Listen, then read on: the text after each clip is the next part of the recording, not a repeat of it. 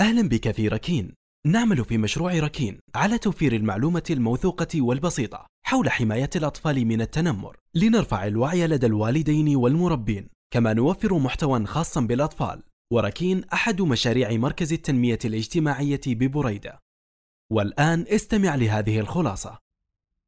خلاصة كتاب مقياس السلوك التنمري للأطفال والمراهقين. تأليف دكتور مجدي محمد الدسوقي. الناشر دار جوانا للنشر والتوزيع. تقديم.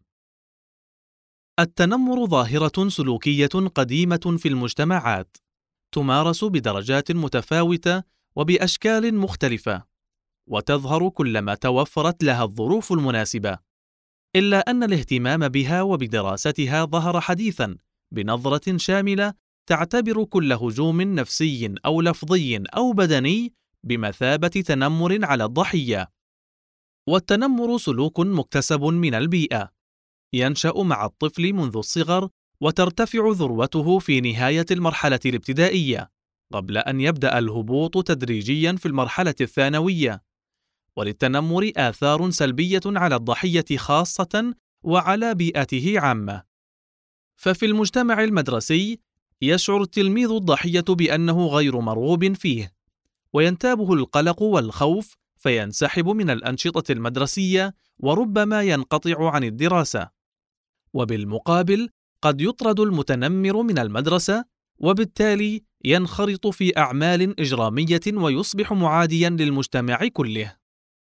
ولعل الاهتمام بظاهرة التنمر بدأ في الدول الإسكندنافية في السبعينيات من القرن الماضي، عندما انتحر فيها ثلاثة مراهقين جراء تنمر رفقاء المدرسة عليهم. تلتها اليابان حين اكتشفت في الثمانينيات أن ثلث تلاميذ مدارسها المتوسطة تعرضوا لهذا النوع من العنف. ومن ثم أخذت دول كثيرة تهتم بهذه الظاهرة بحلول العام 2000 للميلاد وتتدارسها. وقد لخص الباحث سميث أسباب الاهتمام بهذه الظاهرة فيما يلي: الآثار المترتبة عليها تدفع التلاميذ للانتحار أو حتى التفكير فيه. إدراك الأهالي للمشكلة وضغطهم على المدارس لوقفها. خطورة ثقافة البقاء للأقوى على الأخلاق. وعليه يعتبر التنمر في البيئة المدرسية مشكلة تربوية واجتماعية بالغة الخطورة، لأن التعليم يحتاج بيئة تربوية آمنة. موسوعية مفهوم التنمر. بالرجوع إلى أصل المصطلح في اللغة الإنجليزية بولينج ومقارنة مقابلاته في العربية نجد أنفسنا أمام خيارات متعددة بمضمون مشترك منها واحد التنمر أو الاستئساد. أطلق المصطلح من قبل طبيبة نفسية في جدة وعرفت التنمر بأنه إلحاق بعض الأطفال الضرر المعنوي أو الجسدي بأطفال آخرين. والتنمر لغة يقصد به مشابهة النمر في طبعه وشراسته، وكذلك الاستئساد مشابهة طبع الأسد.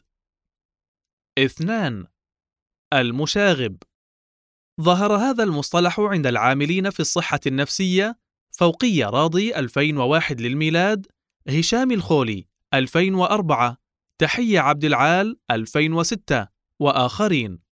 والشغب لغة هو تهييج الشر وإثارة الفتن. والمشاغب أي المشاكس المثير للشغب. ثلاثة الترهيب. في هذا التعبير تأكيد على أن هذا السلوك يضم كل أشكال العنف النفسي المعقدة. فالترهيب لغة هو التخويف والتفزيع. أربعة البلطجة وقد ظهر هذا المصطلح عند العاملين في الخدمة الاجتماعية باعتباره سلوكا مضادا لقيم المجتمع إذ تستخدم فيه القوة دون مراعاة للقانون ولا الأخلاقيات. وأصل التعبير تركي بمعنى حامل البلطة، والبلطة هي الفأس وما في حكمها، ويقال بلطجي لمن يسترهب الناس. تعريف التنمر. عرفه منير البعلبكي في المعجم الوجيز 2001 للميلاد بأنه التشبه بالنمر. نمر فلان أي غضب وساء خلقه. وتنمر لفلان أي تنكر له وتوعده بالإيذاء. كما عرف المتنمر في قاموسه المورد 2000 للميلاد بأنه المستقوي أو المستأسد على من هم أضعف منه. ومن التعريفات أيضا ما ذكره فيرج ويسلي 1993 للميلاد من أن التنمر ظلم أو اضطهاد متكرر جسميا أو نفسيا ضد شخص أقل قوة. وعرفه أولويس 1993 للميلاد بأنه شكل من أشكال العدوان عندما يتعرض طفل أو فرد ما بشكل مستمر إلى سلوك سلبي يسبب له الألم.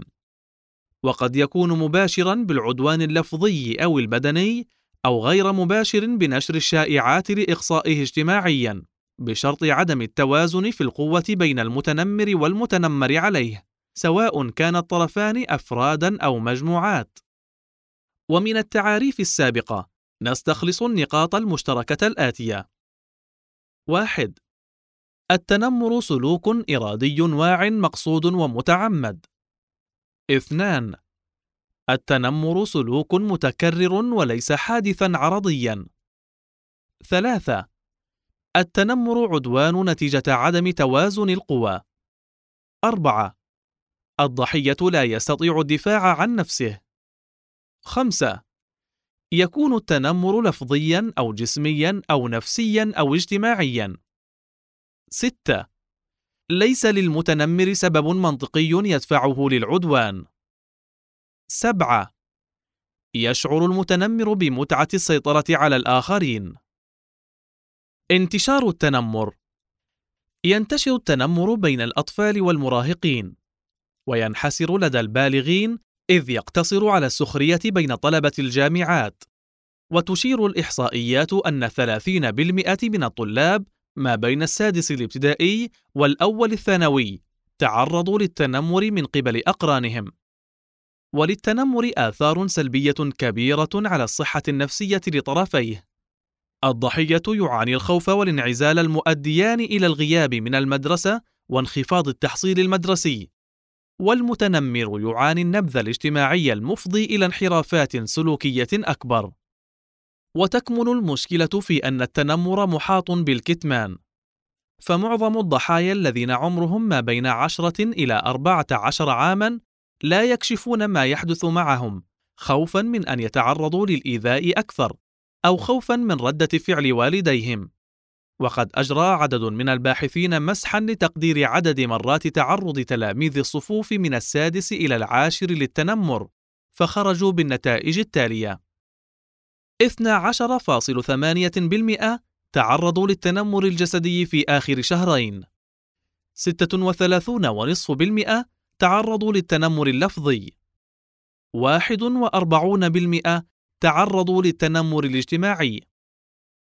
كما بينت الدراسات أن انتشار التنمر يرتبط بعوامل عديدة تتعلق بالنوع والعمر. فالبنات أكثر عرضة للتنمر الاجتماعي.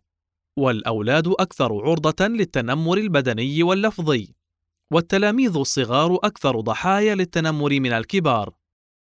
وفي الدول العربية لم تحظ ظاهرة التنمر باهتمام كاف من قبل الباحثين لذا فالإحصائيات قليلة ومحصورة وذلك بسبب حساسية القضية في المجتمعات العربية ومحدودية التبليغ عنها وعدم توفر آليات فعالة للتبليغ وضعف الثقة في الجهات المسؤولة.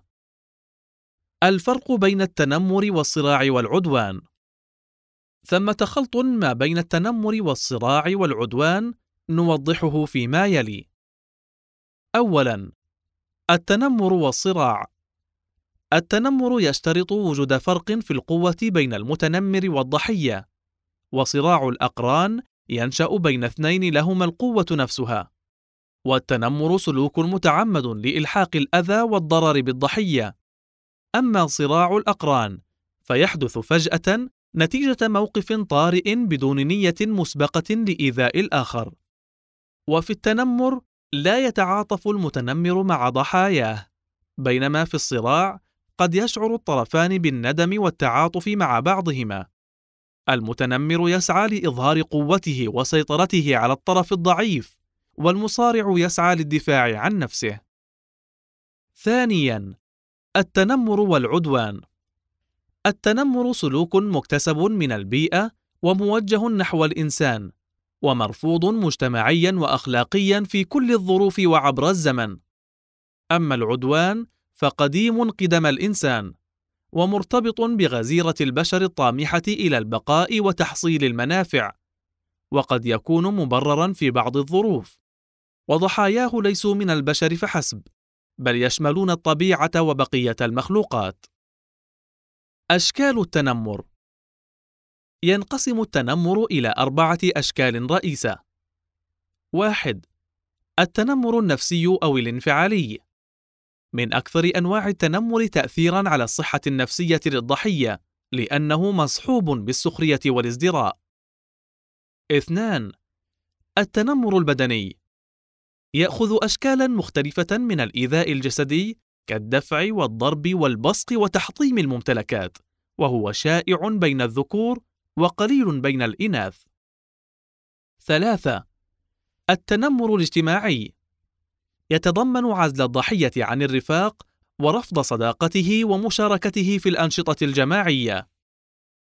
أربعة: التنمر اللفظي فيه يستخدم المتنمر الكلمات السيئة والسب والتهديد لإذلال الضحية والتشهير به. وقد وجدت الأنواع المذكورة طريقا للانتشار عبر تقنيات الاتصال الحديثة فظهر مفهوم التنمر الإلكتروني عوامل تسهم في حدوث التنمر. تتعدد العوامل التي تسهم في وقوع التنمر ومنها واحد العوامل النفسية.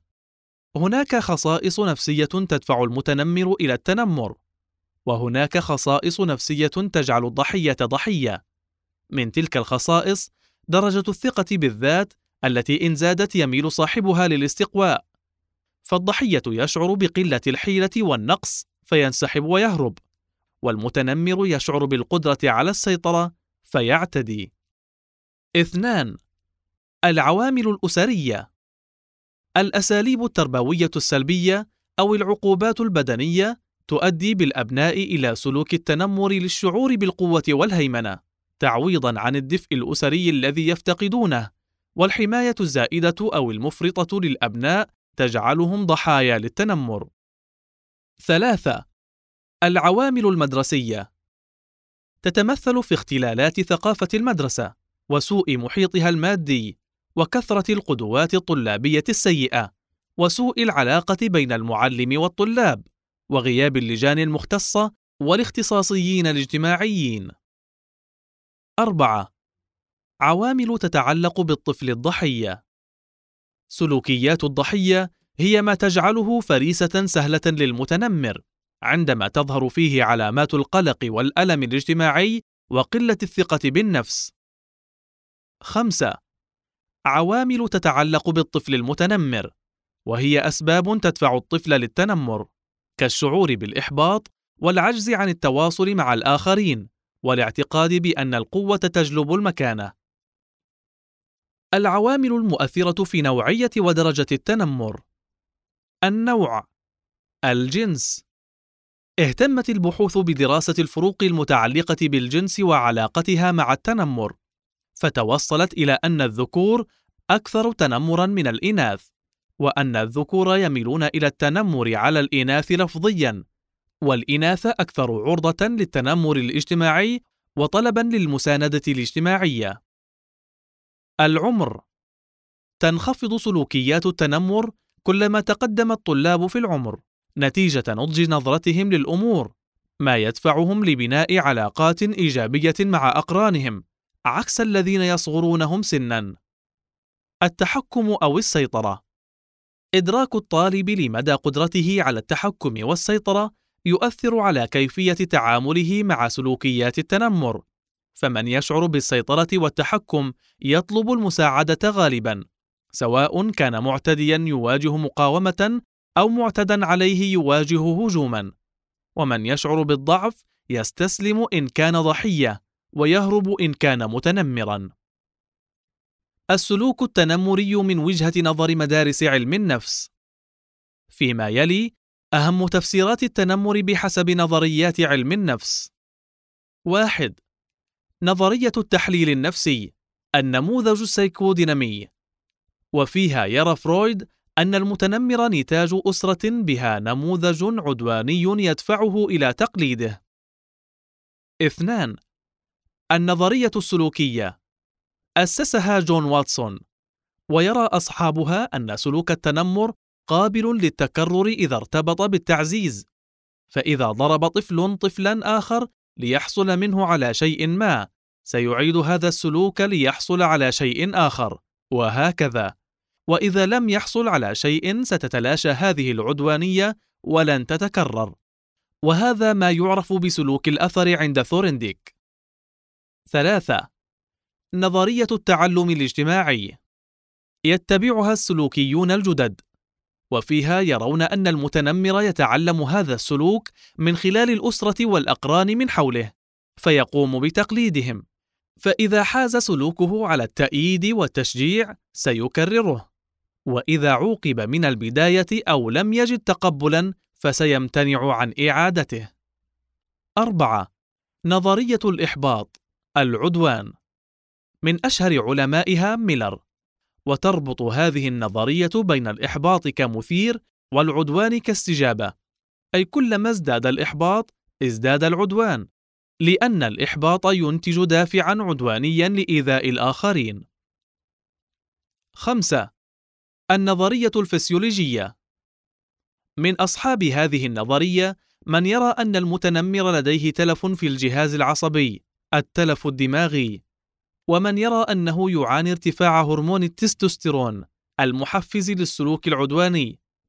أي إن الفريقين يتفقان على أن المتنمر مختلف جسمانيا عن غيره. مقياس التنمر.